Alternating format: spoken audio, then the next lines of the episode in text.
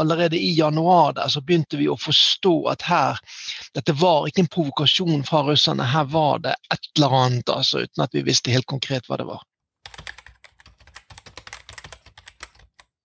Jeg står på det fortsatt i dag i dag. Jeg er grundig lurt.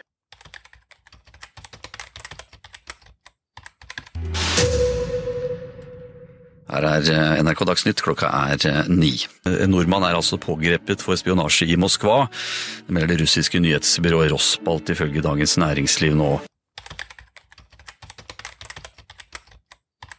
Du hører på Portrettpodden med Mats Lasseangos.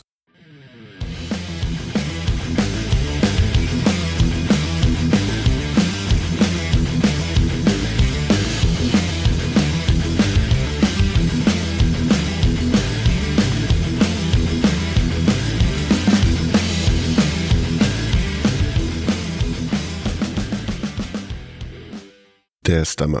Du hører på Portrettpodden. En podkast hvor jeg intervjuer mennesker som inspirerer meg, som får meg til å tenke, og som hjelper meg å forstå mer av verden jeg lever i. Mange av dere som hører på, har helt sikkert fulgt med på det som omtales som Frode Berg-saken. Den internasjonale skandalen hvor en norsk pensjonert grenseoffiser blir hyra inn av norsk etterretning som kurer for å drive spionvirksomhet mot russiske myndigheter, og ender opp med å sone nesten to år i et høyrisikofengsel. En historie full med spaning, overvåking, skjulte kamera, hemmelige koder i bøker, minnekort med sensitiv informasjon og mye mer. Det låter mer som handlinga i en spenningsthriller, ikke noe henta fra det virkelige liv. Hva får en tidligere offiser til å bli innvikla med den norske E-tjenesten?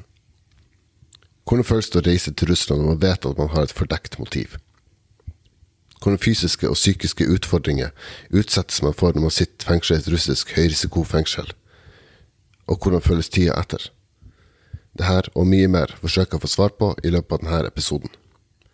Mitt navn er Mats Lasse Jangås, og sammen med mine gjester Frode Berg og NRK-journalist Morten Jentoft skal vi være stemmene i hodet ditt den nærmeste timen.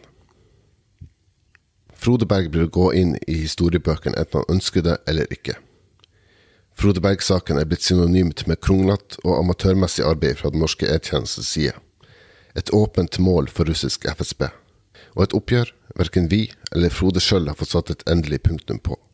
I løpet av denne episoden forteller Frode sjøl hva som foregikk den desemberdagen i 2017, da han ble arrestert av FSB. Om tida han tilbrakte i Leforto-fengselet, og i tida etter han ble benåda og kunne reise hjem igjen. NRK-journalist Morten Jentoft forteller hvordan han dekka saken for NRK, om det første møtet mellom de to i en byrett i Moskva, og arbeidet med boka I grenseland. Gjennom de to forsøker jeg å skape et helhetlig bilde av saken, samtidig som dette blir et spennende, inspirerende og lærerikt portrettintervju, som alle andre episoder av Portrettpodden. Med det ønsker jeg dere riktig god fornøyelse, og her er Frode Berg. Det er klart det surrer en del i hodet mitt fortsatt. Eh, ikke fra selve oppholdet i Russland, i fengselet, selvfølgelig det er en del ting der. Men mm. det er jo hva som ligger i hele saken her, i og med at jeg ikke får da tilgang til EAS-utvalget sin rapport. Ja.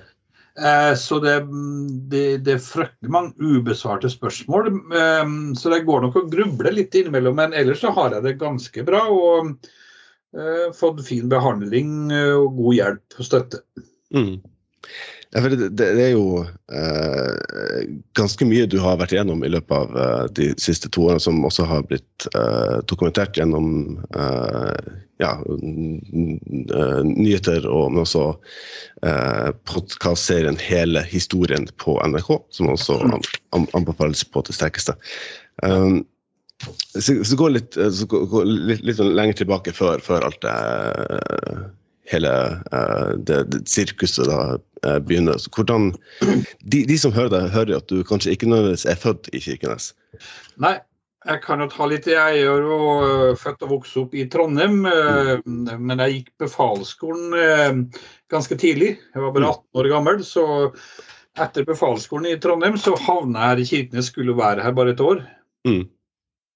Nå har jeg nå vært i 46, og det skyldes jo ei dame jeg traff. Ja som jeg fortsatt er gift med. Ja. Så, men jeg har jo trivdes, for jeg har jo vært utrolig heldig med både jobb. Jeg jobba i grensevakta. og um, de, Siden 1990 da, så har jeg jobba for Norges grensekommissær, og det er jo det som førte meg inn mot Russland og interessen for Russland. Det, det, altså det er jo, altså, Kirkenes er jo en grenseby som har veldig tette uh, relasjoner til, til, Russland i utgangspunktet. Uh, ja. Så, uh, så i, i, din, altså ditt virke som, som, som grensevakt, altså, hvordan, hvordan, var ditt forhold til, til russiske myndigheter f.eks.? Altså, når jeg jobba for Norges grensekommissær, da, så jobba vi jo tett opp mot offiserer fra FSBs grensetjeneste i Russland. Mm. Jobben min så er vel en av de få i landet som har jobba så godt i korridorene til FSB grensetjeneste så mye. Eh, og jeg har reist en del i Russland. Eh, og jeg har nok blitt farga av det eh, tidligere. Mm. mitt forhold til Russland. Men det er ikke dermed sagt at jeg støtter eh, det politiske i det landet der. Og, og, det, og holdningene det gjør jeg aldeles ikke. Nei. Men eh, det er jo et fascinerende land allikevel, og vært utrolig spennende å få lov å jobbe med dem. Mm. Og jobbe nært inntil russiske byråkratiet også, i mm, statsforvaltninga. Mm. Så du, altså, du hadde altså, kanskje, kanskje, litt liksom platt spørsmål, men du, du hadde så, uh, i utgangspunktet ganske, ganske godt forhold til, til, til, Russland? Ja, det hadde jeg. Um, mm. um, på, på, godt og ondt. Um, ja. Jeg hadde et meget godt forhold og trivdes, men etter noen dager på reise i Russland så er det bestandig godt å komme hjem til Norge. Mm. Uh, men nå i min, de jobben jeg hadde, så var det sjelden eller aldri noe politi at vi diskuterte politikk. Nei. eller at jeg ga uttrykk for noe misnøye. Det misnøye med landet det var, det var, det var liksom passa ikke inn med, med jobben min. Mm. Eh, men jeg har deltatt med en del, ikke bare gjennom jobb, men også fritida med humanitært arbeid med Røde Kors bl.a. Eh, mm. Samarbeid med Murmansk Røde Kors. Det, det, er jo det som er artig. har blitt fortalt Hvis det to man ikke skal diskutere med andre, så er det religion og politikk. Ja, men det, det er nok riktig. Ja. Um, og det, hvis man holder seg unna det, så med russerne, så går det her meget bra. Ja, det gjør meget det. Ja da. Uh, selvfølgelig også, Mye av denne episoden blir selvfølgelig på, på, på det som, det som uh, da du har opplevd. Men hvis du tar sånn, uh, litt større uh, spørsmål innledningsvis. Hvordan er ditt forhold til Russland i dag? Jeg har ikke noe å bebreide Russland for per i dag. På bakgrunn av det jeg kjenner til. Mm. Dem, det er jo ikke dem som har gjort en feil, det er jo vi her i Norge. Mm. Um, så, så lenge jeg ikke vet noe mer enn jeg vet, så har jeg ikke noe grunn til å bebreide dem Nei. for noe som helst. Det er selvfølgelig noen kommentarer når det gjelder oppholdet mitt i to år borti der, men jeg har jo blitt allikevel så har jeg blitt behandla humant av dem. Mm. Eh, og det skyldes vel at de var vel godt kjent med FSB, selvfølgelig min bakgrunn. og eh, jeg oppførte meg deretter. Jeg kunne samtale med dem, kjenne retorikken deres. og det, mm gjorde at det, oppholdet der ble mer behagelig enn det kunne ha vært. Men for all del skulle det gjerne vært foruten de to årene i Leforto-fengselet. Altså. Det, det, det, kan jeg forstå. Så absolutt. Men ja. Eh, mitt forhold til Russland i dag, så er det jeg har ikke noe Jeg følger med, og um, det er mye jeg er fryktelig uenig i som, som, foregår borti der. Mm. um, mange som spør meg om jeg, kan, om jeg vil reise tilbake, om jeg kan reise tilbake til Russland. Ja, jeg kan det. Jeg har ikke fått innreiseforbud. Eh, jeg har jo et dokument som eh, underskrevet av Vladimir Putin, som, hvor jeg er benåda. Ja. Eh, men saken er jo at jeg, jeg tør ikke, rett og slett. For jeg vet ikke. Jeg vet ikke russerne er redd, men det er jo våre egne. Når jeg ikke har fått svar på hva denne saken, aksjonen i Russland, har gått ut på, om det er blir arrestert på nytt. Mm. Er det andre ting som ligger bak, som, har, som jeg ikke klarer å se? Ja. Det har jeg ikke fått noe svar på fra norsk side. Ja.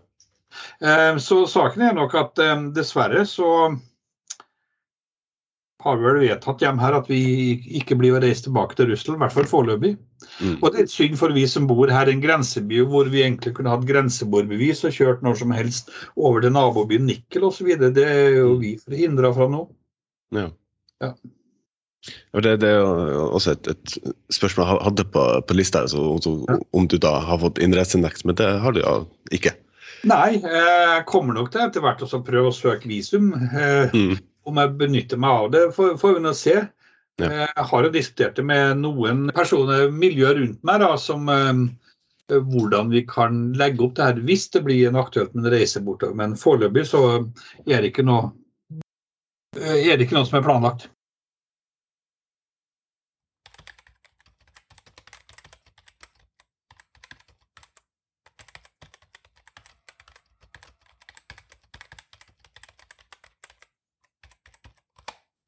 Så det, det ligger altså med på, med på, det at du ikke har fått, fått avklaring fra, fra, norsk side, og det ligger ikke på det at du nødvendigvis uh, er redd for at det skal komme represalier hvis du rister tilbake?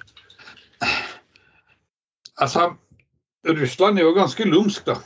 Ja. Eh, nå har jeg i samarbeid med Morten Jentoft skrevet en bok. Det menneskelige eh, rundt denne saken her er veldig interessant. Morten Jentoft er journalist og forfatter. Han har i en årrekke vært ansatt i NRK, bl.a. i NRK Finnmark, og som kanalens utenrikskorrespondent i Russland i periodene fra 1996 til 2000, og fra september 2014 til august 2018. Han er et kjent ansikt for mange, som følger hendelsene i vårt naboland med stor interesse. Gjentatt har skrevet flere bøker om kontakter mellom nordmenn og russere i nordområdene, og i fjor kom boka I grenseland, om fengslinga og dommen mot Frode Berg. Ingenting skulle liksom ikke komme på bordet her, det skulle være en, en ærlig skildring.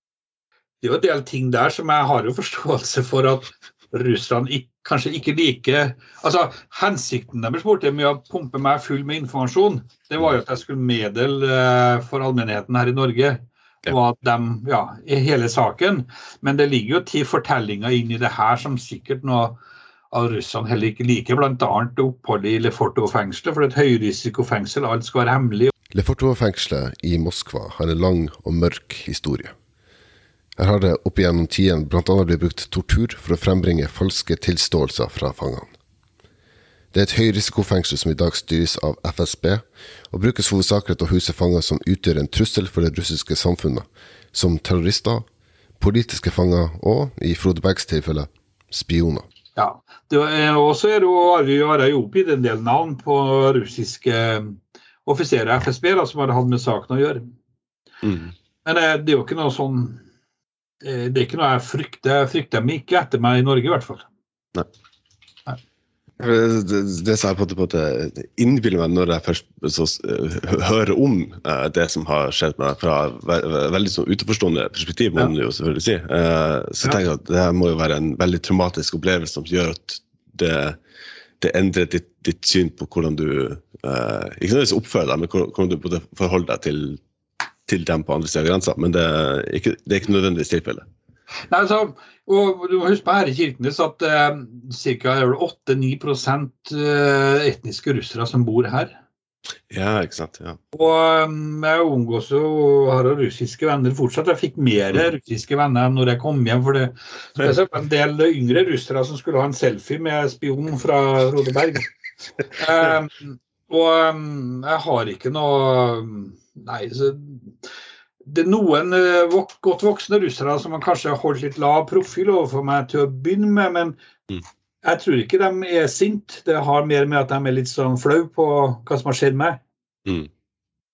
Um, men jeg bebreider ikke russerne for at jeg er blitt arrestert. De har gjort jobben sin. Stopp Stoppe en spion. Ja. Uh, akkurat samme som vi i Norge skulle ha gjort kanskje litt oftere. ja. Altså, det, det, det, er jo godt å bare ha, ha det også med. Altså det, de, de, er ikke nødvendigvis eh, ond, de som arresterte, at de gjorde bare jobben sin.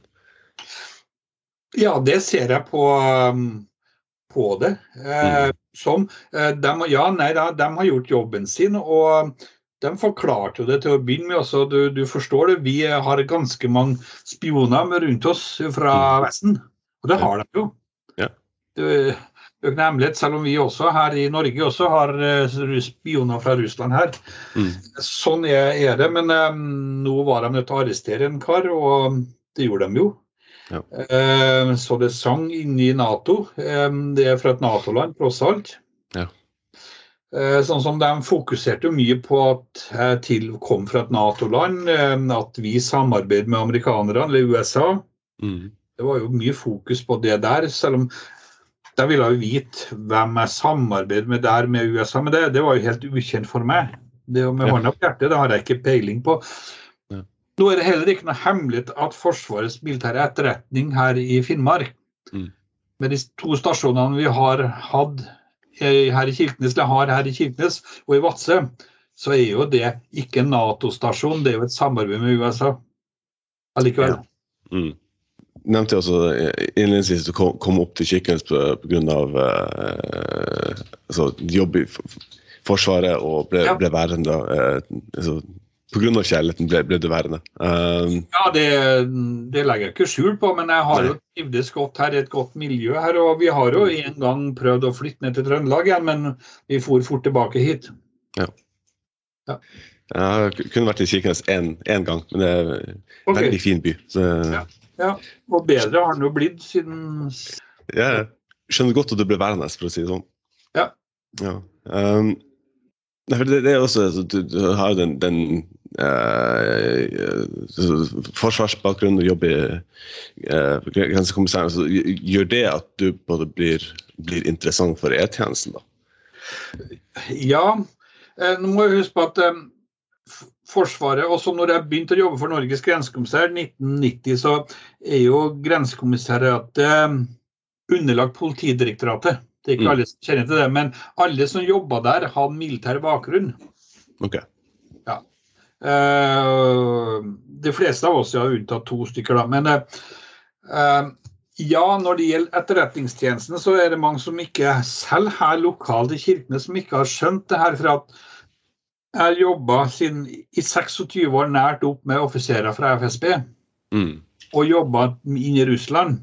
Eh, Det er ikke noe hemmelighet at jeg i hvert fall 20 av de årene har hatt jevnlige samtaler med representanter fra etterretningstjenesten Mm. på PST.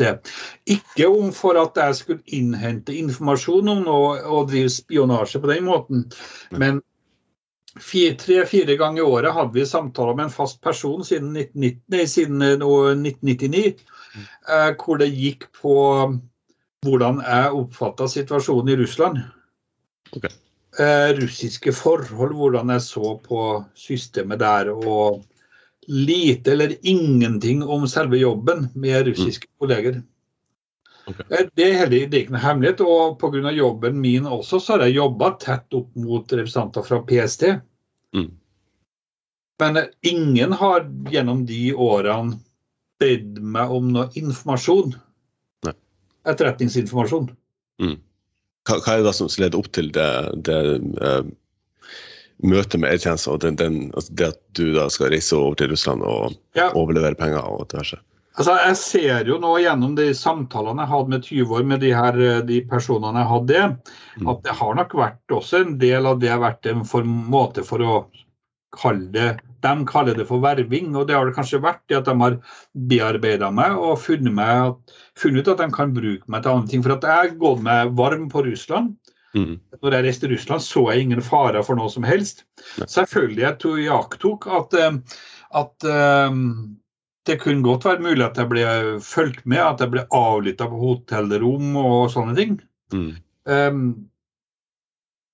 um, så Altså For meg har det vært naturlig å samarbeide med og, og prate med folk fra de hemmelige tjenestene. Mm. Eh, Og yte mitt eh, en selvfølge på bakgrunn av den jobben jeg hadde. Så det er mange som har sagt ja, visste ikke at det her var folk fra Etterretningstjenesten? Jo, selvfølgelig. De som spurte meg om du, jeg vil gjøre dem en tjeneste etter hvert, med å Mm. ta med penger. Jeg kjente jo folket meget godt. Ja. De som spurte meg om å gjøre de tjenestene. Mm. Men de har fortsatt så hadde de ikke sagt at jeg skulle hente noe etterretningsinformasjon informasjon ut av landet. Nei. Men det var jo skjult i, i, i, i noe av de forsendelsene. Mm. Fortellinga om det som må sies å være norgeshistoriens mest spektakulære spionskandale, begynte allerede lenge før Frode Berg ble involvert. Så tidlig som i februar 2014 skal en russisk atomingeniør ha kommet i prat med en person som jobber for en ikke-spesifisert vestlig etterretningstjeneste. Russeren Vasilij Semljakov var ansatt på det topp hemmelige skipsverftet i Severodvinsk utenfor Arkangelsk, hvor det russiske forsvaret bl.a. bygger atomubåter. Å kunne få innsikt i russernes militære kapasitet og slagferdighet er uvurderlig kunnskap, som bl.a. den norske etterretningstjenesten ønsker å få innsyn i. Semljakov skal ha blitt overtalt til å spionere for vestlig etterretning mot betaling. Men ting går ikke helt etter planen. Tre måneder etter at Simlekov blir verva, går han til FSB og melder fra om hva han blir bedt om å gjøre. De oppfordrer han til å fortsette samarbeidet med de vestlige spionene, men nå er FSB med i bakgrunnen og trekker i trådene. Scenen er satt, og det er midt oppi dette komplottet at Frode Berg har blitt kasta som hovedperson. Uten å være klar over det sjøl. Det som først begynner som en vennetjeneste, hvor Frode reiser til Russland for å kjøpe en bærbar PC av merket Lenovo med kyrilliske bokstaver, ender til slutt opp med å dreie seg om forsendelse av penger og minnebrikker med sensitivt materiale. Jeg ser jo ting i, i dag som eh, For det første, jeg likte jo et tittel på Øystein Bogen skrev i bok mens jeg var i Moskva, 'Den ufrivillige eh, spion'. Mm. Um, og det er vel kanskje og noen som har kalt meg en uvanlig spion og James Bond med Å. Mm. Eh, så det, det, er noe, det er noe greit. Um, Uvitende var jeg, det med hånda på hjertet. Eh, naiv og dum, som noen har kalt meg. Det er greit, det er mulig jeg var naiv, men som jeg sier Jeg var gått såpass varm i trøya når det gjelder Russland. Og det er ingen som har veiledet meg slik at jeg kanskje skulle våkne fra det, det der tidligere. Mm. Um, vi hadde jo et nettverk også rundt oss, vi som jobba så nært opp mot Russland, som skulle fange opp hvis vi f.eks. Uh, begynte å skli ut. Mm. Hvis du forstår hva jeg mener. Ja. Um, og når det gjelder kontakten med E-tjenesten, uh, har jeg aldri hørt noe, noe, noe, hva skal jeg si, noen regler fra overordna myndighet eller arbeidsgiver om skal, skal ikke, eller hvor mye skal man samarbeide med dem. For når det gjelder etterretning, så var ikke det forenlig med det vi jobba med med russerne. Nei. Eh, her på grensa. Mm. Jeg skulle jo være forsiktig med det. Men det, det, det er klart vi hadde jo åpen dialog der det folk vi, Jeg jobba sammen samme folket i over ganske mange år eh, fra russisk side. Og vi kunne prate om mye. Men eh, Mm. Fortsatt ikke noe etterretningsinnhenting. Nei. eh, av in, in, eller informasjonsinnhenting. Mm. Det var det ikke. Jeg tror altså det er de fleste, hvis, altså hvis man reiser til f.eks. Russland, altså man, man går jo ikke ut ifra at man blir avlytta eller spana eller Nei, jeg, jeg mener folk det er sånn så må man ikke tenke, men det, det, det er klart det, det foregår. Mm. Eh, at russerne gjør det, og um, Hva skal jeg si Men det, det spørs jo hva du har holdt på med. Det jo, alle blir jo ikke avlytta, selv om de har enorme ressurser borti der. Men jeg har jo for så vidt da selv sett videoopptak av undertegnede både på hotellrom og mm. jeg går ut i gatene. Det til og med vedlegg i saker. Det var jo 25 CD-er fullpakka med videoer. Ja. Ehm, og avlytting av telefonsamtaler som de ikke hadde med saken å gjøre, men det var i mars 2017 var jeg i Moskva. Da spilte de av som et bevis til meg at de har tatt opp samtaler jeg hadde med kona og noen andre da, hjemme her i Norge. De er grundige, og FSB og militære etterretninger GRU skal ikke vi, de skal ta det høytidelig, altså. Ja. De har enorme ressurser. Mm. Men eh, når det er sagt, så kanskje ikke vi har de samme ressursene hjemme her, men altså vi er mm, Det skal jeg si at eh, norsk militær etterretning, folk som jobber der, er profesjonelle. Ja, ja. Det står jeg for fortsatt, eh, selv om det er noen som har tabba seg virkelig ut i denne saken her. Ja. Og så har det gått utover meg, så får vi se etter hvert hva er det som ligger i saken, hvilket spill er det.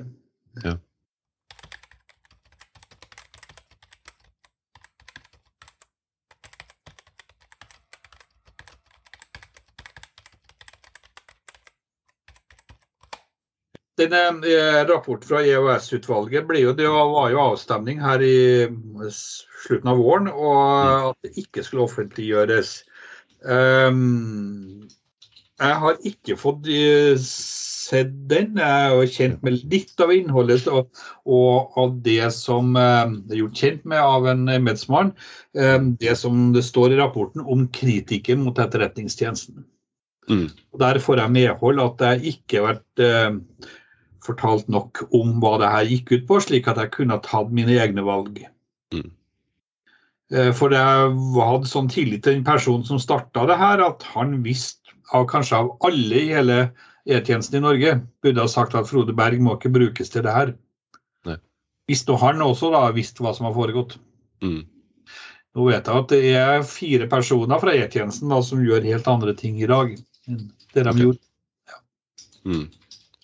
Så får vi se til høsten. Det har jo vært regjeringsskifte, og ja. et parti har jo allerede eh, begynt å mm, snakke om å ta opp saken igjen. Det at det er hemmeligholdt, det er jo også, forteller jo litt om betydningen av denne saken. At det er en stor sak som, mm, som involverer ikke bare samarbeide med, med, med, med, fremmede tjenester, men også um, antageligvis en del uh, sentrale um, politikere og, og, ledere da innenfor, uh, innenfor norsk, det norske forsvaret. Jeg må bare få lov til å si det også, at jeg, jeg, personlig er jeg heller ikke tilhenger av at offentligheten skal få lov til å se hele rapporten. Nei, nei. Det, det syns jeg blir feil, men at jeg kunne ha fått tilgang til en uh, og få lest den, så har jeg kanskje grepene det annerledes. Uh, selvfølgelig har jeg ikke kunnet fortalt noen media eller noen som helst om det som står der, det er jeg klar over. Mm. Um, men de har jo, Det som forundrer meg, er jo at de tjeneste, hemmelige tjenestene aldri har prøvd å pålegge meg noe taushet. Og det forundrer meg litt. Jeg er tvert imot, jeg vil ikke si hvem som sa det for snart to år siden. Og Frode, nå er du en fri mann. Du er fri til å gjøre hva du vil, og si hva du vil. Og det overraska meg litt. Ja. Selvfølgelig jeg kunne lagt, pålagt meg selv mye mm, taushet på en del eh, ting, men um, jeg har nå vært i jevnlig dialog med E-tjenesten i fjor også, med jevnlige møter. Mm gjennom hele fjoråret, og det er ingen som har pålagt meg noe som helst. Nei. Når jeg forlot Russland, så er det jo ganske uvanlig. Min rutinerte russiske advokat Ilja Novikov sier at det var ganske uvanlig at jeg fikk med meg alle dagbøkene mine, alle sakspapirene, ut fra ja. Russland. Ja. Uh, han forberedte meg på at det fikk jeg ikke, men det var jo det jeg fikk, samtidig at gjennom de møtene jeg hadde med den gruppa fra kontraetterretninga, hvor de har fortalt meg så mye om hva som har foregått her, og om ting hva de vet. Mm. Det skulle ut på markedet, ut i Norge. Det skulle jeg fortelle her. Mm. Og det virker, og det forundrer meg liksom at norsk militær e-tjeneste da i tillegg ikke nærmest stopper meg ikke når jeg prater. Nei. Jeg er jo ikke ikke noe sånn happy med at det er en del av Plutselig blir det en del av historien som har eh, laga en sånn uh, etterretningsskandale i Norge, i Nato. Så nå er det, liksom, nå er det Frode Berg-saken? Det, ja, ja, ja, det, det, er ikke det som skjedde i Russland, det er Frode Berg-saken. Hvordan føles det at du er så synonym med, med, den saken? da? Klarer å le med det. Jeg må si jeg har hatt et flott støtteteam rundt meg med Morten Jentoft og Brynjulf Risnes, advokaten min, og mm. Sølve Stang som medierådgiver. Jeg bruker dem, har dem fortsatt. Mm. Eh, som, eh, og også fra PST, med noen samtaler jeg har der. Okay. Her, lokalt. Så det har vært en god støtte til at jeg har fått eh, rydda opp i hodet. Også mm. en psykolog fra staten. Ja. Eh, jeg har ikke noe problem med å le med det i dag. Jeg vet at jeg må le med Frode Berg-saken i hele, hele min tid. og mm går inn i historiebøkene. skulle skulle gjerne vært foruten, men ja. så er det OK, nå er det sånn. Ting er blitt endra for meg i livet mitt, og um, ikke noe negativt i dag. Mm. Noe annet enn de grublinga som jeg har, og, og noe sånn. Um, så må jeg jo heller si at jeg har jo hva skal jeg si, fått opplevd mye andre ting de siste to årene. da. Det, det vil jeg tro. Det aldri liksom har vært eh, eh, på TV 2 på til, Ærlig talt. Eh, vært på Ja. Eh, det, det er jo flere forespørsler da, som jeg mye har vært nødt til å sagt nei til også. Og, og ja, Nå står det litt stille for meg, eh, det andre programmet. Men det har jo vært en del sånn spennende, artige opplevelser, da, for å si, si det sånn. Mm. Eh, nå er jo ikke det presset fra media lenger, for det var jo en vending litt sånn plagsomt. og Første halvåret etter jeg kom hjem, så hadde jeg både gjort om stua her til studio både for TV 2, Dan Danmarks Radio 2, nederlandsk TV og forskjellig sånn, så Men eh, den tida er jo over, for så vidt. Men mm. Av og til så dukker det opp noen som, sånne som deg, og um, folk som vil ha et foredrag, får invitasjon til å komme og fortelle om saken. Mm. Det vil nok leve enda. Jeg ser at det er stadig til media at det blir referert til Frode Berg-saken i andre sammenhenger. Mm. Det, det, det, er ikke noe som, som går og kverner på deg, at det, det henger over deg? Nei, ikke, ikke det der. Nei, Nei. Overhodet ikke. Um, sånn, sånn, er det kanskje at jeg er innforstått med det selv, at uh, sånn er det. Og um, jeg kan uh, Jeg er ikke sånn at jeg vil liksom trekke meg tilbake og gjemme meg. Ja. Uh, nei, det gjør jeg ikke. Nei. Det er jo mye jeg ikke har fortalt. Jo da. Som jeg ikke kan eller vil fortelle. Mm. Eh, noe kanskje kommer eh, litt seinere, men det er noe som jeg må bare ta med meg som ikke prate med noen. Nei, Nei men det, det er... Unntatt de hemmelige tjenestene. Ja, det, det, det, må man nesten regne med i eh, ja. Ja. sånn type sammenhenger.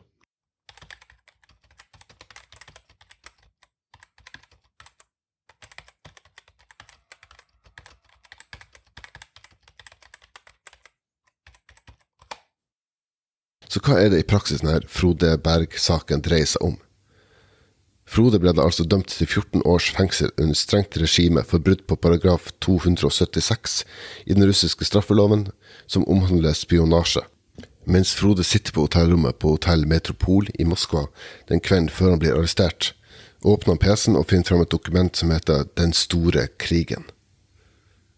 Han har med seg en liten papirlapp i lommeboka, bare syv ganger tre centimeter, hvor han har notert fire tilsynelatende tilfeldige tall.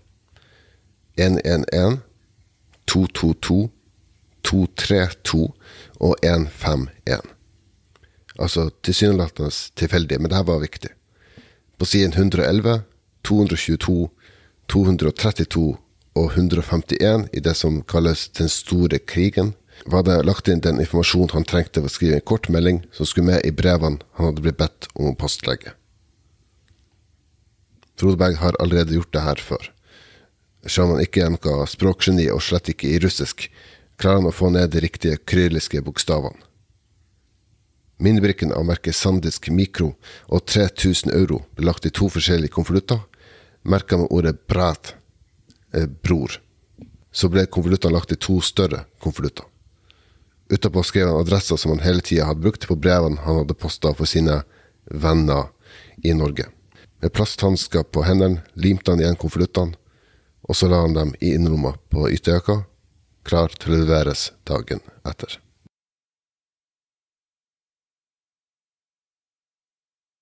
Jeg var meg ikke sjøl den høsten, eller var meg sjøl, men det er ting som skjedde høsten 2017 som gjorde meg urolig, for jeg ville ut av det her. Ja.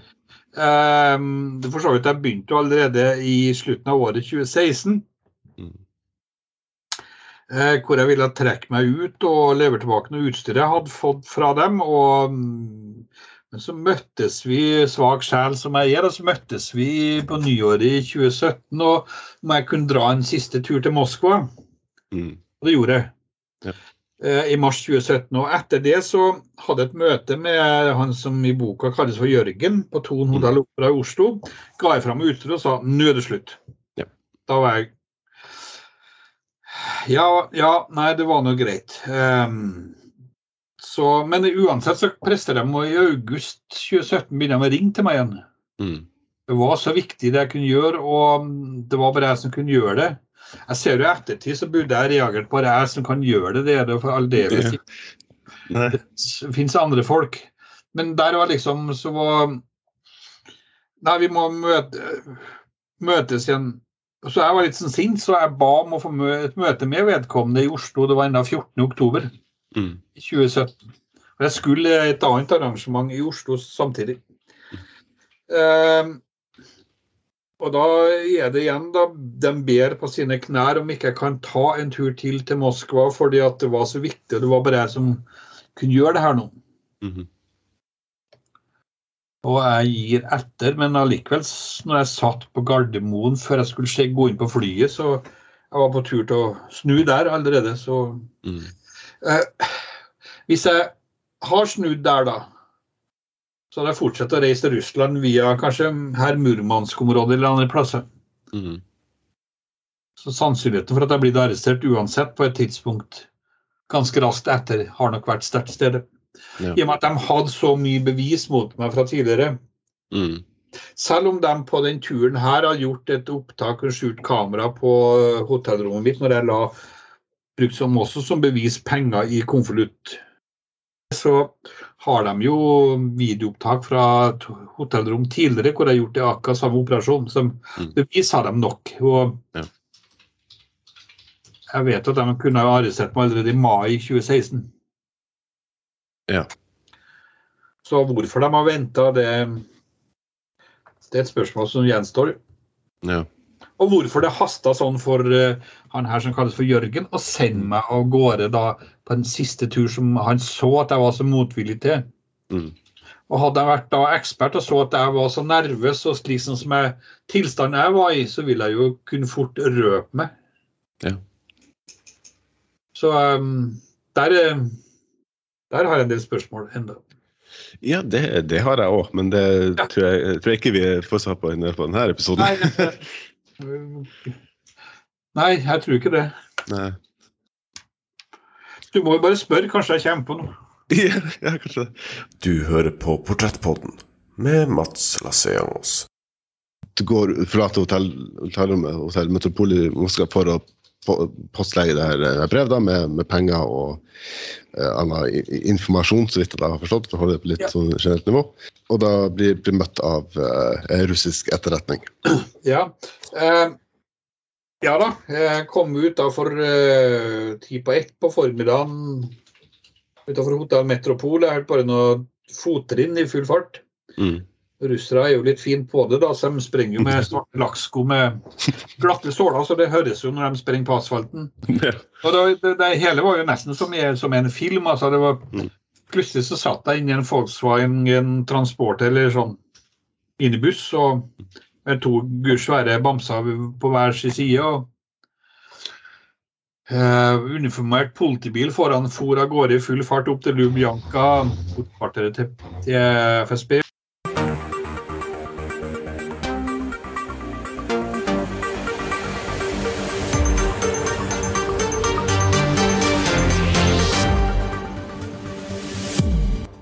Nordmannen som er anklaget for spionasje i Russland, er mistenkt for å ha mottatt hemmelige dokumenter om den russiske flåten. Papirene skal ha kommet fra en mann siktet for forræderi. Frode Berg er tidligere grenseinspektør i Finnmark, og familien sier via en advokat at de stiller seg helt uforstående til siktelsen. Når kona Anita eller resten av familien ikke hører noe fra han Frode, og han ikke svarer på tekstmeldinger, som er uvanlig, begynner de å bli bekymra. Ei venninne av familien som snakker russisk, blir bedt om å ringe til Hotell Metropol, der Frode Berg bor, for å høre om noe har skjedd med han. Resepsjonisten kan informere om at han ikke har sjekka ut, og at alle tingene hans fremdeles står på rommet. Ei tid senere sitter NRK-journalist Morten Jentoft og har lutefiskmiddag dypt inne i de finske skoger når han får en telefon.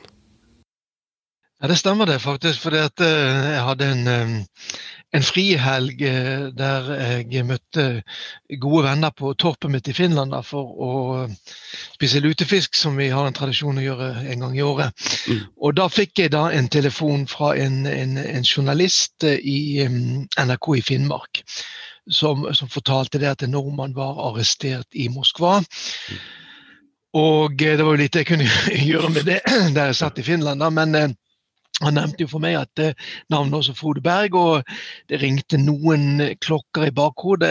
Jeg hadde kjent til navnet, visste at han hadde jobbet på grensen i veldig mange år. Jeg hadde også en ansfølelse av at jeg hadde hatt litt kontakt med han i forbindelse med noen saker som jeg jobbet med om den norsk-russiske grensen. Så um, det var starten for meg da på, på denne saken med Frode Berg. Mm. Men eh, samtidig så, så, hadde jeg jo også en sånn tanke at ja, vi fikk jo av og til meldinger om at nordmenn som er arrestert i Moskva, mm. ja ja, ok, det er noen som har ramla litt ut på, på en sein nattetime og ikke klart å komme seg hjem i tide. da. Det, det, slike tilfeller var det jo også noen av. Eh, så, så, man tenkte at dette her blir sikkert, eh, sikkert løst. Eh, ja, det var vel mm. sånn, men, men samtidig så så lå den og kvernet litt hos meg i helgen. Dette her, ok, en tidligere offiser tatt i Moskva, hva kan dette være for noe? Kan dette være en provokasjon fra russerne? Det var jo det veldig mange av oss tenkte. sant? Altså noen, Det kan jo ikke være riktig, dette her. altså. Dette, oi, nå får jeg oppleve det her, og det var jo spennende. Det var, det var ja, ja. Jeg blir nå sluppet fri etter en eller to dager, så mm. det her går nok bra. Jeg lurer på hva det her er. Egentlig. Det gikk ikke opp for meg, var det i sjokk. Mm. Og det var jeg jo for så vidt i sjokk det langt utpå våren 2018, før jeg ja. kom ut av den tilstanden. Ja. Når, når, du hører de, de, de lakkskoene på asfalt, så eh, rekker du da tenker jeg oi, nå, eh, nå er jeg opp, oppdaga, eller, eller, eller, er det bare ja. Nei. Alt, alt gikk jo så forferdelig fort, så jeg ja. så meg bare rundt, og det kom folk fra alle kantene. Mm. Og bil som kom i vill fart, kjører frem foran hotellinngangen. og De var bare legitimert seg, og så var det full fart inn i bilen. Mm. Det var en oberst og en major og en filmfotograf og to som bamsa som heiv meg inn i bilen. Ja. Da er det rett i avhør og, og til Ja, inn på kontoret deres, og det var jo fryktelig mye folk der, da. og skulle jo se den spionen fra Nato-land, som det er jo lenge siden de tatt noen fra Nato. Ja. I hvert fall, så i hvert fall som vi kjenner til. Mm. Um, så um, De var jo spurt hvem som skulle ha det her pengene. Mm. Konvolutten av dem tatt. FSB har lenge holdt Frode under overvåkning. Fulgt ham på gata avlytta telefonsamtaler han har hatt med sin kone Anita. Filma han i skjul på hotellrommet. Allerede året før har han bevis nok til å felle han for spionasje, men de drøyer. Hvorfor, vet man ikke. Eller hva det var når jeg sa jeg sendte for en kar i Kirkenes, en russer her i Kirkenes som spurte meg om jeg kunne gjøre det. Mm. Bla, bla. um, jeg skjønte jo egentlig at det der holder ikke. Um, så vi smilte vel litt, og det gjorde han majoren her, som hadde med, spesielt med saken å gjøre. og Nei, Frode, eh, vi vet hvem du sendte for, så sa han navnet på vedkommende. Altså min kontaktmann her i Kirkenes. Mm. Han viste meg til og med bilde av en. Vi vet alt om folkene rundt deg i E-tjenesten i Kirkenes. Eh, de remsa opp navn på flere. Mm. Eh, og navn på andre personer, slik at jeg skulle forstå at her har de kontroll. Ja. Så går det opp for meg at det her, eh, her er jo ikke bra. Nei. Og Spesielt når jeg hører tiltalene etter hvert at uh, senere på ettermiddagen, da, når jeg kommer til etterforsker, at uh, spionasje ja. uh, Da begynte jeg å bli litt redd. Når jeg var tilbake igjen i Moskva da, etter den helgen, der, så satte vi jo i gang en ganske omfattende et søk der på å prøve å finne ut hvor Frode Berg var, og hva man visste om dette. her. Men da var jo mm, det er veldig veldig vanskelig å finne ut av det, eller i alle fall så klarte ikke vi det. Å finne ut hvor han satt henne. Eh, og ambassaden ville heller ikke si noe. Så, um, så det var jo ikke mye vi fikk, fikk vite da disse første ukene mm, etter at han ble arrestert så skjønner jeg jo etter hvert at Men jeg nekter jo selvfølgelig, og det var jo Jeg kjente jo ikke til at jeg skulle ha henta informasjon fra ubåtverftene i Severodvinsk om ubåter og kjernefysiske våpen. Um, og det har jeg jo aldri bedt om, men det har jo ligget i denne minnebrikken med bilder da, som jeg har hatt med bort. Um, det vet jeg jo i dag. Og har sendt, der har de bedt om svar på en del spørsmål. Mm. Og svarene har de sendt til en adresse først i Kiev i Ukraina, før det har havna til, norske, til rette folkene i Norge. Mm. Men eh, for meg var det litt sånn ukjent det der med, med Kiev og, og, retur, at det nå skulle returneres. For da begynner jeg å skjønne at det her er jo informasjon som skal tilbake. Ja. Jeg bare for, for ordens skyld at De har jo sendt eh, flere anledninger svar på noen spørsmål da, tilbake til norske myndigheter om ubåtene og våpensystemene. Mm. Men det har vært, det, slik jeg har fått det forklart da, i av min russiske advokat at svarene ligger tett opp til sannheten. Den russiske advokaten Frode her henviser til, er Elja Novikov. Altså Hvis ikke det kunne brukes, altså hvis de da har brukt på de to 2015, 2016, 2017 De har fått informasjon om eh, ubåter og våpensystem mm. som de i dag i virkeligheten ikke Altså, de må jo ha klart her i vest vestlig etterretning å avdekke at det her har vært falske opplysninger mm. gjennom tre år. Ja. Det er også et stort spørsmål som jeg stiller meg. Hvorfor har de ikke oppdaga at det her ikke var informasjon kunne brukes? Ja. En uh, annen ting også med det her som jeg stiller spørsmål, stort spørsmål med. Uh, Enhver etterretningsoperasjon i utlandet er gjort kjent, vet jeg i dag, da, at uh, og det er en selvfølge, så har vestlig etterretning kontraetterretning på deg. Mm. Eh, hvis de har hatt kontraetterretning på meg de turene har vært i Russland, St. Petersburg og Moskva, så burde den kontraetterretninga ha sett at det var noen som skygga meg, at det var noe som foregikk. Ja. Og burde ha stoppa aksjonen på et tidligere tidspunkt. og, og, også med, med, all respekt å melde, altså når E-tjenesten sier at du er den eneste som kan levere en, en, en, et brev i Moskva de, de, har jo sikkert andre agenter som faktisk er trent på avhørsteknikk. og det, Selvfølgelig. Så jeg så ikke det da. Jeg var helt ja, blind på det.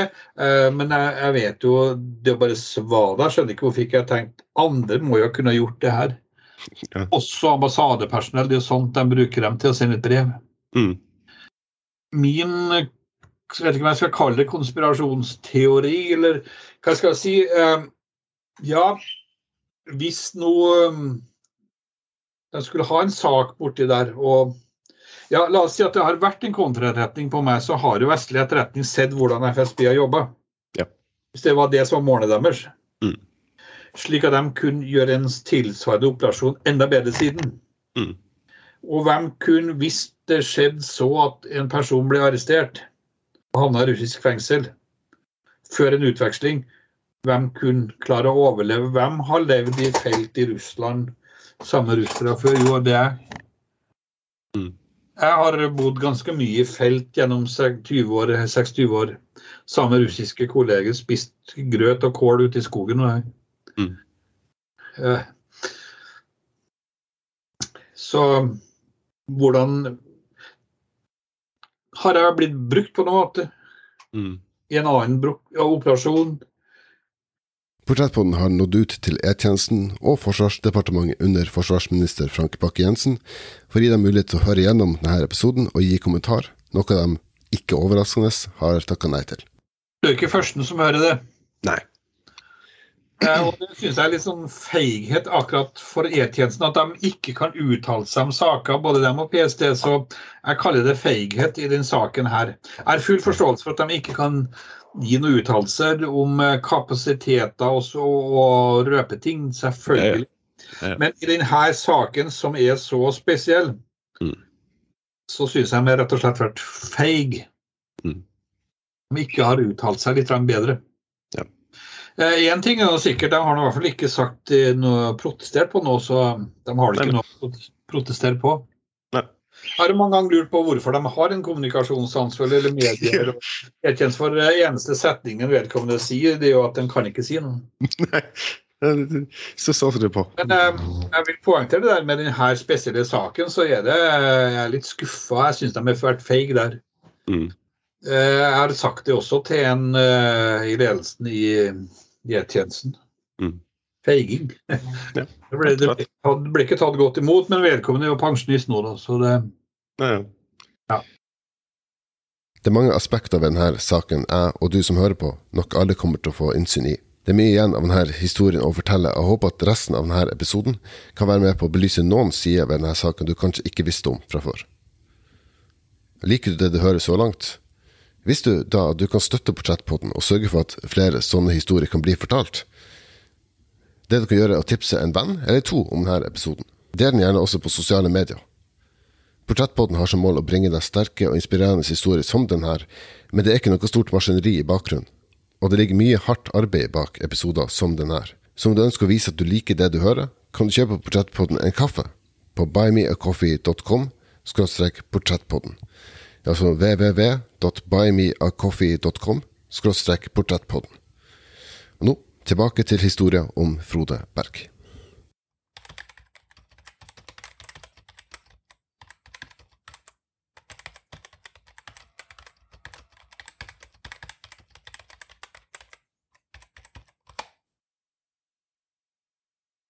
Det er noe så, altså, jeg har tenkt tenkt på litt, altså, prøve å sette meg i, i din situasjon, hvordan ville jeg reagert på, på sånne ting skjer. Altså, men altså, det, det, er jo det er en ting å ha på det her ha, godt forhold til Russland og, og på det uh, reise fram og tilbake og mm. spise grøt og kål i skogen, men det er jo en helt annen ting å sitte i isolasjon i Leforto-fengselet. Liksom. Ja. ja da. Hvordan, hvordan, takler du det uten at du bryter sammen, liksom? Ja, Det har vært på nippen noen ganger, for du er jo mm, et russisk fengsel, selv om det er ordna forhold i Lefortovo-fengselet, for det er FSB sitt. Mm. Og, um, men de ansatte i russiske fengsel det er jo ikke samme som i Norge. De, de er der for å jobbe for å passe på, men de, de ser deg ikke. Nei. Tomme blikk du møter. Mm. Eh, kommandorop. Jeg er vant til å høre kommandorop fra før, ja. eh, men det overraska meg mange ganger, det ropinga i korridorene der når Og ikke så du andre fanger, for Nei. vi var helt isolert. Altså, jeg bodde jo sammen igjen. Mm. Det var tomannsceller, så du skulle bo sammen igjen. Eh, du hadde kamera i taket på rommet, mm. som var på ni kvadrat. Som, I den fløya du bodde i, så gikk det en offiser hele tida, så den så jo inntil deg omtrent hvert femte minutt. De en luke i døra. Ja. Så bodde du sammen med en annen person, og um, når du ble ført til dusjanlegget, eller du skulle til avhør eller til noen besøk, så så du bare ansatte, for at de hadde sånn system at de kjørte deg inn i avlukket når du ble ført gjennom korridorene. Mm. Så aldri andre. Unntatt han har bodd sammen. Ja. Um, jeg sleit fryktelig første eller våren 2018, ja. Det gjorde jeg. Og mange ganger hva skal jeg ikke fikk jeg noe lesestoff og sånt til å begynne med, så nesten så jeg Altså, jeg fikk ikke ut energien, så jeg sto mange ganger og holdt i meg ei lita bordplate ved siden av senga og nesten nærmest steppa. eller var, Jeg vet ikke hvordan verden jeg var i. Det var helt forferdelig. Ja. Um, heldigvis så hadde jeg i hvert fall han første jeg bodde sammen med bodde en, en moldaver, ung moldaver. Eh, som satt i fengselet for en annen en kriminell handling, da, ikke spionasje. og Han også hadde ville få en kort straff, han skulle snart hjem. men han snakka godt engelsk, og vi hadde en del kommunikasjon og fikk prata en del. Mm. Men det, det, er klart, alle som er i Leforte-fengselet har jo nå slit med, og det hadde jo han også, så det var jo en del tunge dager. Uh, vi hadde en gammel vi hadde en TV på rommet. Mm. En gammel TV. Vi bodde i sånn uopp... Fløy første året, da. Vi bodde faktisk sammen i 14 måneder, vi. Ja. Uh, vanligvis så bor man bare et, bytter man etter tre-fire måneder. Mm. Men han snakka så godt engelsk, og de var så rolig på cella vår. Så uh, men det var en gammelt fløy, så vi hadde bare innlagt kaldt vann. Toalettet var et rør som kom opp av gulvet. Flassa av på veggen. Mm. Var en liten vannvarmer som vi kunne låne av og til for vi skulle varme vann til å ha enten til kaffe, pulverkaffe eller til å få vaska klær. Mm. Dusting en gang i uka. Ok. Eh, maten Nå fikk jeg jo mat Altså, jeg hadde besøk fra norske ambassaden etter hvert hver 14. dag. Mm. Eh, Annenhver torsdag eh, klokka to på dagen. Så de var, utro, de var fantastiske. Mm. Og så hadde jeg en russisk advokat som også kom og besøkte meg ganske oftest når han fikk innpass. Ja. Så ambassaden hadde jo med en del matvarer og sånn også, som de hadde etter spesialist de hadde lov til å handle inn. Så etter hvert så var jo kostholdet, i hvert fall frukt og grønnsaker, fikk jeg mye fra dem. For Mm. Eh, men det, det er klart uvitenhet altså Første tida var jo fryktelig tung. og så Hva er det som har skjedd? Mm. Jeg tenkte på familien, de hjem her, ting jeg skulle ha gjort. Ja. Men så begynte jeg å opparbeide meg et forferdelig hat til enkeltpersoner i E-tjenesten. Mm. Det er spesielt tre personer da, som jeg har hatt mye med å gjort, og to av dem hadde jeg så stor tillit til og tro på. Mm. Er to her fra En er jo her født og vokst opp her i Kirkenes, og en annen er innflyttere her. Eh, Jeg opparbeider meg et grusomt hat og sinne mot dem. Mm. Og det oppdaga jo han moldaveren jeg bodde sammen og Frode, vent til du kommer hjem, du skal jo hjem en dag, for alle vet jo det at spion, da blir du utveksla. Ja. Så uh, han hadde noen bekjente i Bulgaria som kunne hjelpe meg jeg, hvis jeg ville når jeg kom hjem. Det var det tilbudet jeg fikk. Men så måtte jeg forklare at nei, det, der var jeg ikke. Nei. Um, ja, så Jeg husker jo høsten var det oktober 2018, så fikk vi flytte inn en nyoppussa Fløya, for de drev og pussa fengselet. Mm. Hvor det var innlagt varmt vann, og det var ordentlig toalett, selv om det toalettet sto i hjørnet i rommet. da. Ja. Så, men vi hadde nytt kjøleskap, flatskjerm på veggen og flere TV-kanaler. og Mm. Ehm, så det gikk jo greit. Ehm, så skulle jo han her moldaveren ut, så ble det plutselig bli kjent med en ny kar, da. Mm. En fra um, Krasnodar som jeg bodde sammen med. var Utrolig hyggelig kar i 47 år. og Han hadde jo drevet med noe sånn større produksjon av metamfetamin i Moskva. Ok. Og drevet formidling av det. og han, han kom med tutta fra etterforskeren sin en dag, for etterforskeren har kalt det for morder. Å ja. Eh, fordi at amfetamin, ja, det er jo Jo, jo. metamf Metamfetamin, det er jo Forestår jeg jo, det, men så sa jo han Jura her, som han het, Men Frode For jeg sa ja, det er jo det, det er jo metamfetamin du holder på med. Mm. Jo, men Frode, her var jo rein amfetamin, det var jo ikke noe Ja vel. Eh, Maren han er en utrolig hyggelig kar. Ulykkelig. Ja. Familie hjemme i, i Krasnodar. Han fikk 17 år, og han eh, soner en plass oppe i Sibir nå. Ja. Under strengt regime. Mm. Ja. Ja. Så det syns jeg jeg sånn han, eh, Første seriekameraten min var sånn ja, Du er spion, det blir, blir utveksling, du skal hjem. Det, det, det lå som ja, vel, veldig opplagt at det her kommer til å gå fint. Men ja og, og det min eh, russiske advokat eh, Ilja Novikov han sa det ganske klart, at det er en stilltiende i, i regel i diplomatiet som gjør at du vil bli utveksla etter hvert. mm, Det er sånn det foregår. Ja. i, altså, i, i, i dag så, så du ble utveksla fordi du ble eh, benåda av, av eh, Altså offisielt benåda av Vladimir Ja. Putin. Ja.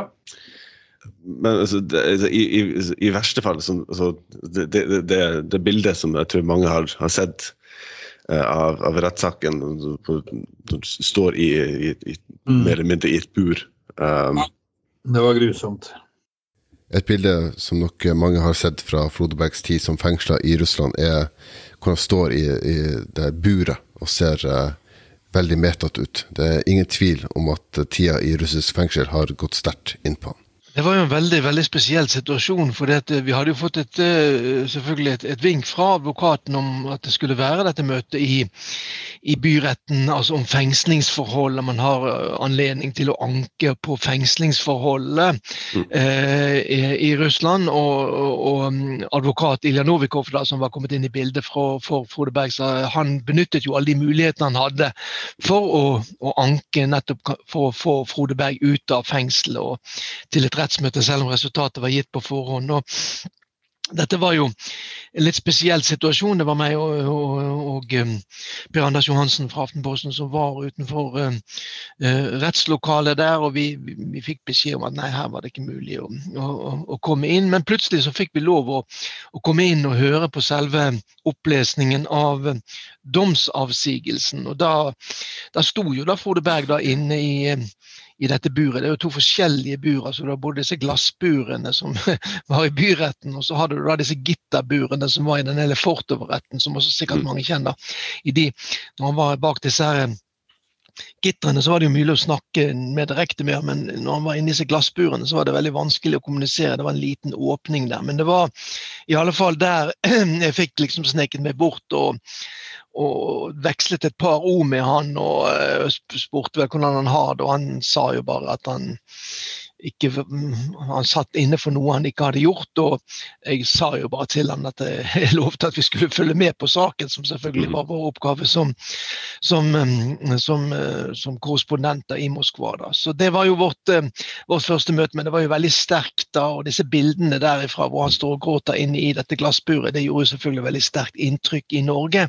Ja en stakkars nordmann da fengslet i, i utlandet. Så det, det, det, vekker jo alltid sympati.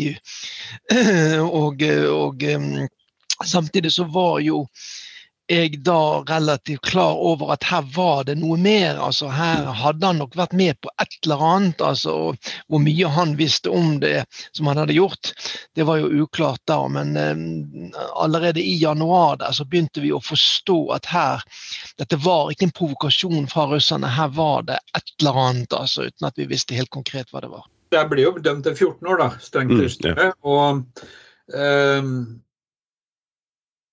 jeg var hele tida overbevist om at for jeg, fra mine advokater da, at det, jobbes med saken. Mm. Og um, Men selvfølgelig, usikkerheten var jo der. Men um, informasjonen jeg satt med, og også fra FSB kontraetterretning, at vi vil ikke beholde det her lenger enn nødvendig, sa de flere ganger faktisk. Mm. Um, det er mye som ble sagt der som jeg spekulerer en del på i dag også, ja. Eh, hvorfor de sa det. Og ambassaden kunne jo ikke si noe om saken Nei. før etter at dommen var falt i sommeren 2019. Da begynte de å prate om prosessen som foregikk med forhandlinger. Men jeg vet jo i dag at forhandlinger har det jo vært nesten fra dag én. Mm. Ja. Uh, men uh, nei, jeg har aldri vært der at jeg trodde at jeg skulle bli der. Jeg tenk, tenkte en gang, men det var så forferdelig tanke at jeg gikk bort fra det, så det tenkte jeg ikke mer på. Nei. Eh, jeg holdt meg til det som eh, Ilja Novikov sa, at eh, ett og et halvt til to år ser det ut. Mm. Ja. Det gikk jo nesten to år, da. Mm. Det kunne ha vært sommeren 2019, men jeg vet jo hvorfor det har drøyd litt sånn ekstra. Jeg har også lyst til å nevne det her at våren 2018 så kunne jo en eh, fra oversten fra kontraetterretninga i Moskva fortelle meg at Eller de begynte å fortelle meg at det, når det er snakk om I forbindelse med at han sa at han ville ikke beholde meg her lenger enn nødvendig, mm. og der med utveksling, så begynte de jo å snakke om at jeg skulle enten til Pskov, det er på grensa til Estland, okay. eller til Kaliningrad. Ja. For utveksling. Og Kaliningrad mm. via Kaliningrad og Litauen ble det jo. Mm. Så jeg lurer på Det har forhandlinger og ja, en del ting har nok vært på stell mm. fra børjan. Og for, for, meg så virker det som det er så velregissert hele greia. For at etterforsker, min første etterforsker da første halvåret, han, det innledende fasen, så virker det som at alle protokollene fra møtene, avhørene, var ferdige på forhånd. Ja. Det var sånn, satt, akkurat som satt bare og lekt at han skrev på PC-en også. Mm. Hadde han protokollen her, den lange protokoller, og Ja. ble underskrevet. Så ja. Nu vel. Det kan man eh, spekulere lenge på, eh, om, Ja. om man ønsker det. Um, Altså, det er noen her i Norge da, som har sagt at ja, hvis du har følt at du hadde det så fint i Leforto-fengselet, så kunne du bare blitt der. Og jeg har sagt at jeg har blitt behandla pent. Ja. Eh, Men det er tross alt et fengsel i Russland. Ja. Høyrisikofengsel. Og det er ganske psykisk tøft. Det vil jeg tro. Ja, så um, Ja. ja. For de som av en grunn måtte tro det, du har ikke bodd på hotell i to år i Russland. Nei da, det har jeg ikke. Nei. Det var jo Eh. masse venta at jeg skulle se bleik og tynn ut når jeg kom hjem, men jeg gjorde heller ikke det, da. Nei, ja det, altså, jeg, jeg, nå er jeg på ingen måte psykolog, men jeg, jeg tror at de aller fleste eh, behandler traumer på ulike måter. Ja da, for all del. For all del ja. Det er som du sier, psykisk tøft å sitte i et uh, russisk høyris høyrisikofengsel. Eh, det, var lett å si. Russisk høyrisikofengsel. Ja. Og så er du isolert, isolert hele tida. Du er jo ikke ute og jobber, du går ikke i noen kantine. Du får all maten gjennom en liten luke. og Mm. Selv måling av blodtrykk, som heter stikk hånda ut gjennom den lille, Ja. lille luka på 20 ganger 20 cm. Ja. ja. Hvordan, altså, det er ting at, at Irene Novikov sier at det her altså, kan ta altså, opptil to år. Men så, hvordan holder du da motet oppe eh, i, i eh, altså, de, de dagene og månedene som går uten at du nødvendigvis får så veldig mye innsikt i hva som skjer? Altså, jeg var jo ofte til etterforsker, og i tillegg så hadde jeg møter med i advokaten min, og så var jeg i ganske mange samtaler med ei gruppe fra kontraetterretninga. Mm. Ikke i avhør, men de fortalte alt de visste. Ok. Eh, proppa meg full med det. Mm. Uh, så tida gikk jo, så plutselig var det rettssak. Det Ja. verste tida er siste fem månedene fra, eller, fra, eller siste halvåret fra dommen falt Mm. til utvekslinga skjedde. Ja. Uh, vi trodde vel at det skulle skje allerede i mai-juni 2019, men så skjedde jo november. Du hører på Portrettpodden med Mats Lasseangos. Hvordan, hvordan endrer du den, da, den måten du, du lager eh, reportasjer på da, fra Russland? Når det endrer seg fra en nordmann er fengsla, eh, kanskje er det provokasjon, og plutselig endrer seg til han er tiltalt for spionvirksomhet og eh, for norsk etterretning. Selvfølgelig så eh, altså Hele tiden så ligger jo da dette her eh, kan du si, vi- er jo veldig opptatt av våre nordmenn i utlandet. Vi gjør jo ikke noe galt, og vi er jo snille og gode. og Det er jo det er jo den generelle tankegangen her. Så, så, så det er klart at jeg eh, Man måtte jo ha to tanker i hodet samtidig. Selvfølgelig så skulle man som journalist være opptatt av en nordmann som sitter i fengsel, hans fengslingsforhold, hvordan han har det, hva som kommer til å skje med saken hans, når kommer han opp og ikke. Samtidig så var det jo på tide å begynne å grave litt mer her. da. Hva var det som egentlig hadde skjedd her? Hva var det som hadde gått uh, galt? Eh, Hva var Frode Bergs kan du si, egen rolle oppi dette her, eget ansvar for det som hadde skjedd, men ikke minst da hva var det som norsk etterretning, da, som det jo ganske, ganske raskt har blitt klart sto bak dette her, hva var det de hadde gjort, og hvilke feil var det som var blitt gjort her, og hvem var de personene som, som, hadde, som hadde gjort og satt i gang da, det som ja, må beskrives som den største etterretningsskandalen i norsk historie? Det første halvåret av 2018 var forferdelig tid. Det, da trodde jeg at jeg skulle sprekke, at jeg gikk, det her klarer jeg ikke. Nei. Eh, altså våren 2018. Eh, og, og det ventetida siste halvåret før utvekslinga, det var, det var en tøff periode hvor jeg ja, trøstespiste rett og slett. Og, Mm. øh, og grubla var mye søvnløs. Ja. Jeg tror, tror, tror, tror nok de, de fleste er i stand til å forestille seg som plutselig uten forvarsel havner i, eh, i russisk fengsel, så er det mange tanker som går i hodet. Jeg har jo vært, jeg har aldri vært sittet i fengsel i Norge, men jeg var jo invitert av eh, og, eh, fra i Oslo fengsel etter jeg kom tilbake. Mm. Stilt til dem som har holdt på med det programmet fengsel i Sør-Norge. Men jeg var invitert og var på besøk der, så jeg fikk jo se. Ja. Så de som satt på både isolat og mer til, så det er en helt annen verden, ja. Så vi er, vi er glad vi er norsk. Ja, ja absolutt. Men eh, der også kommer jo det at vi har det mye bedre i norske fengsel, så er det jo frihetsberøvelsen. Ja. ja. Det er jo en sak på mange nivåer, dette her. Mm. Altså for det første så, så, er jo hele operasjonen der Frode Berg er aktiv med, veldig amatørmessig gjennomført. Det er jo det ingen som helst slags tvil om. da. Samtidig så skal vi være klar over at dette dreier seg om storpolitikk. Dette dreier mm. seg om kapasiteten til eh, de russiske atomubåtene, de strategiske atomubåtene, og det som skjer på skips, skipsverftene i Severodvinsk oppe ved Kvitsjøen. Eh, så dette er storpolitikk på relativt høyt nivå. der mm. altså Frode Berg er en bitte liten rolle, der norsk etterretning er en litt større rolle. Men der selvfølgelig de som er interessert i dette her, det er amerikanerne. Det amerikanske etterretning. De vil vite hva slags kapasitet russerne har, hva er det slags modernisering, hva slags bygging av atomubåter er det som foregår der oppe i, i, i Sevrodvinsk. Sånn at um, dette er jo da den den lille, lille, lille mann som havner midt oppe i, i storpolitikken. Så, sånn sett så er jo dette en, en sak som har absolutt alt. og når jeg satte meg ned og jobbet eh, med den boken som jeg har skrevet om dette i Grenseland, da, så forsto jeg jo litt det store bildet her. At dette, dette, var en del av en stor operasjon som virkelig handler om, om, om, om storpolitikk på aller, aller høyeste nivå. Så, så sånn sett så, så er jo saken veldig veldig interessant. da.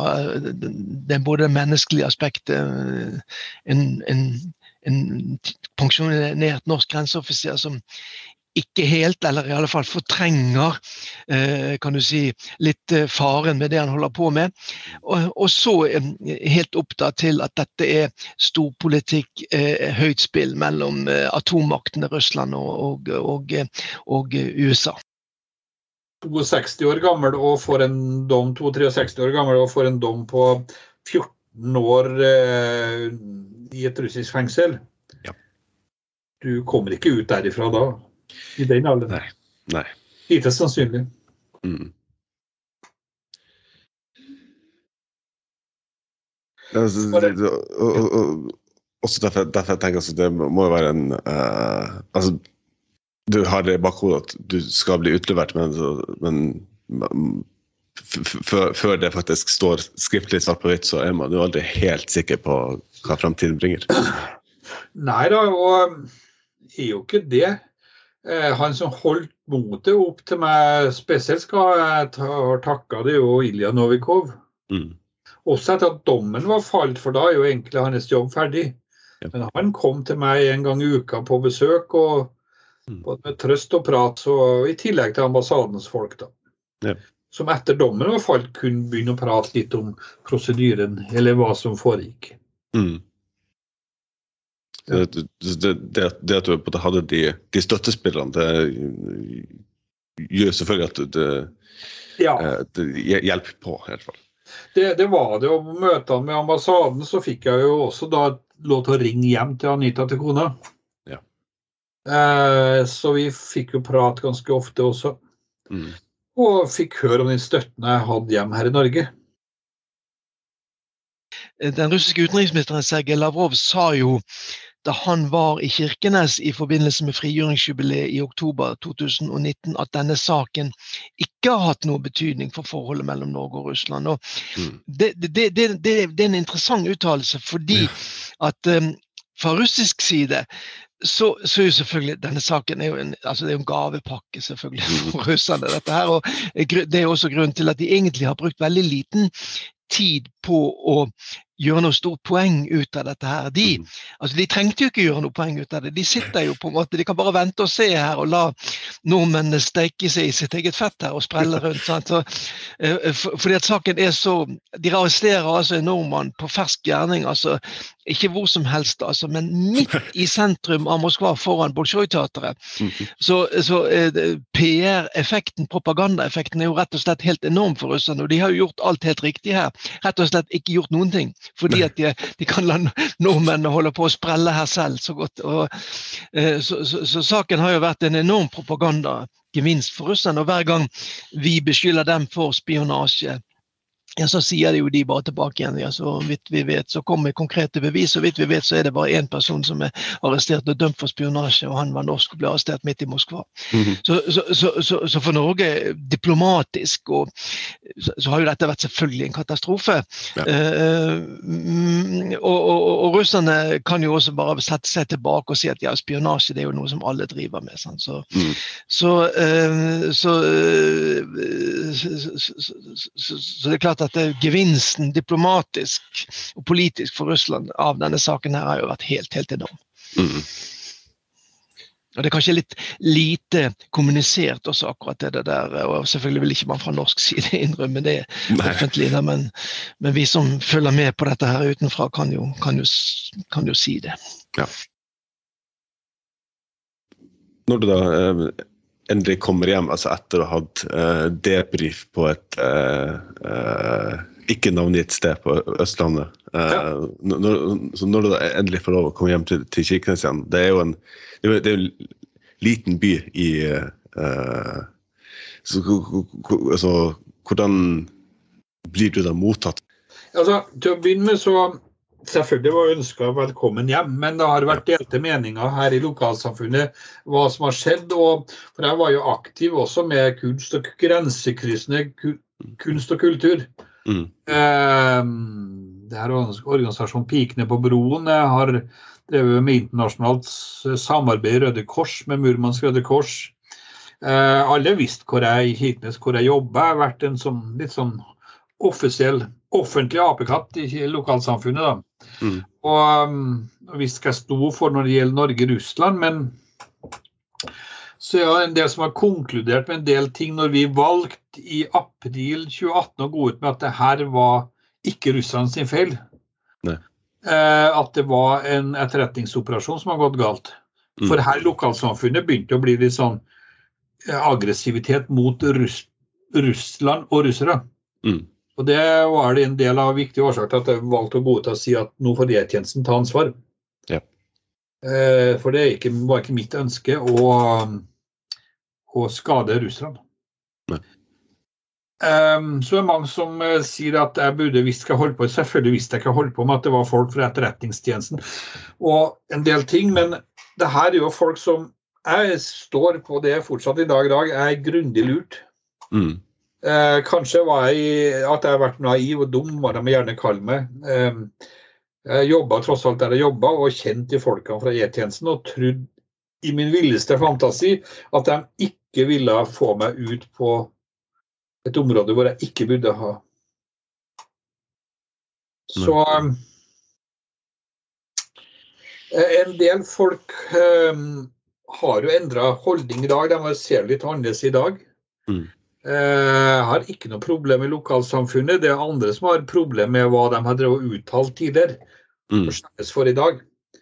Ja. Eh, hvor de ikke vil ha ser på meg. Det er noen få, håndfull eh, sentrale personer vil jeg si, som jeg har hatt god kontakt med før i forskjellige sammenhenger. og jeg vet ikke hvorfor de ikke vil snakke til meg eller møte meg lenger. Helt greit, jeg har ikke noe problem med det. Jeg har mitt miljø her.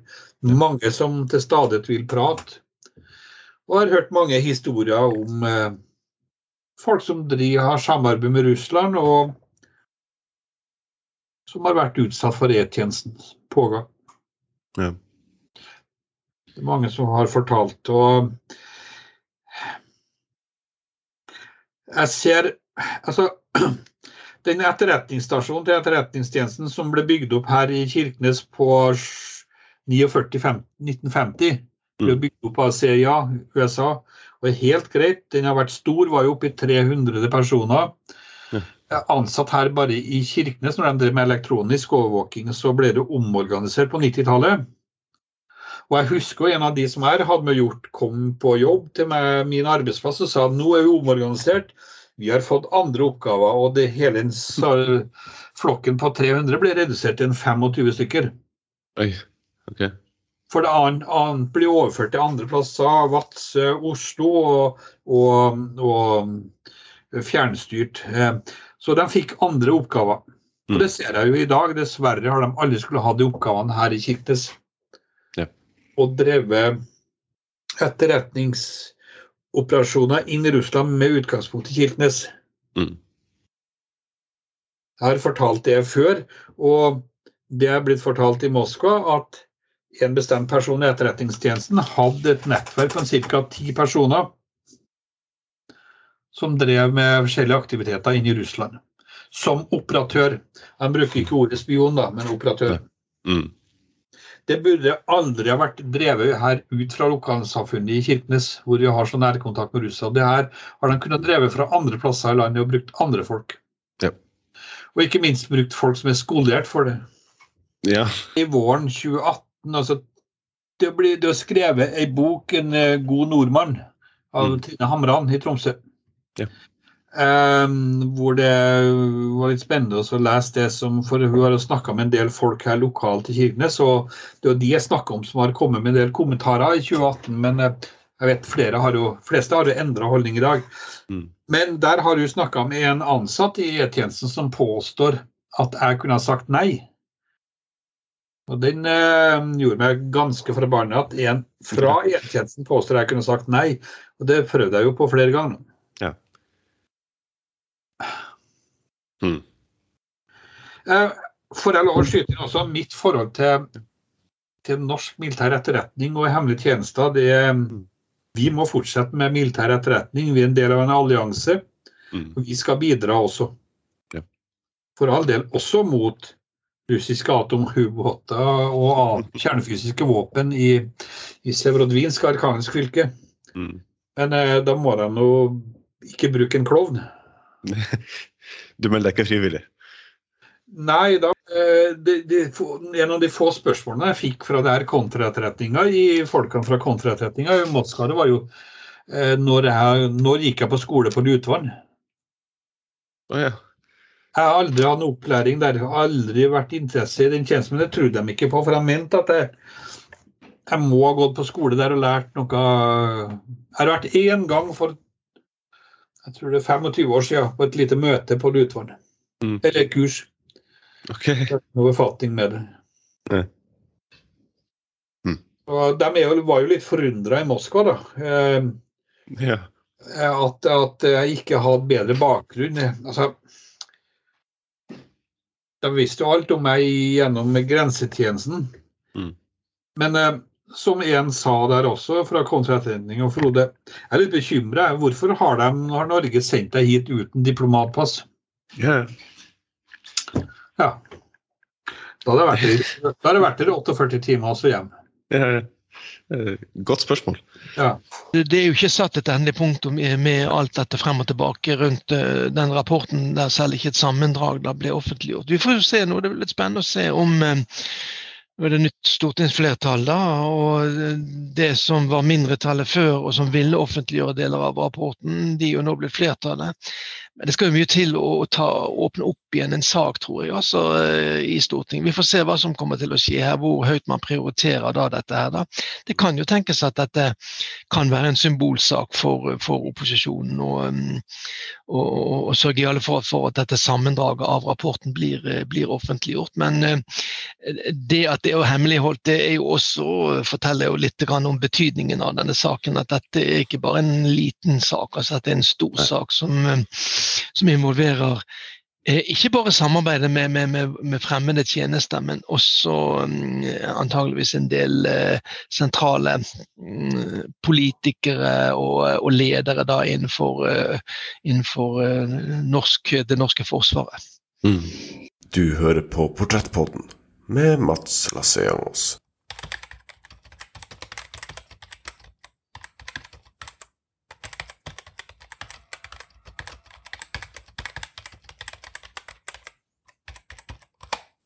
Selv sier, altså, så hele offentligheten har jo ikke nødvendigvis interesse av å lese alt står i den rapporten, men at, at du får innsyn hadde jo vært på Ja. sin plass.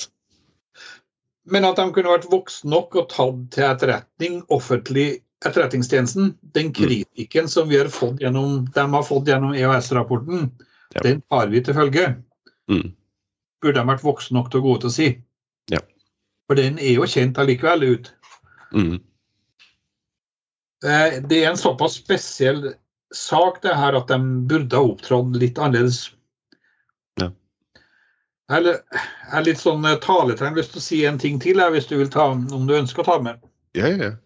Eh, I, I fjoråret så var jeg gjennom flere debrifer med Etterretningstjenesten, og de spurte han noen anledninger om jeg ønsker å møte de tre personene som jeg har hatt med å gjort i E-tjenesten, som forårsaker det her. Og det har jeg sagt ja når jeg er klar for det. Og det var jeg klar for sist vår, etter at rapporten fra EØS-utvalget forelo og situasjonen var som en da. Mm. Og Da melder jeg fra til ledelsen i E-tjenesten om at jeg er klar og jeg ønsker å møte de karene her. Så vi kan skvære opp, prate ut og bli ferdig med det. Eh, for det mm, Jeg skal ikke drepe dem. Eh, jeg vil skvære opp eh, hvis de kan fortelle, beklage eller et eller annet syn. Men jeg får til svar da fra nye ledelsen i E-tjenesten at de setter foten ned for et slikt møte. ja vel.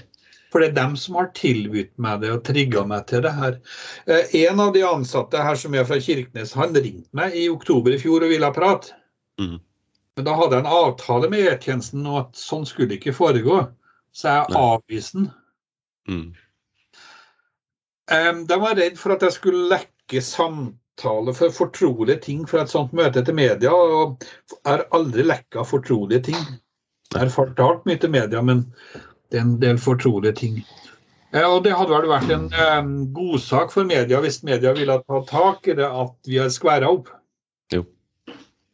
Og nå, for det er ett stort eh, hovedstadsavis som henger litt på meg når det gjelder den saken der. og Går jo det ut, så er det at nå har de plutselig snudd på det og nekter meg å møte dem.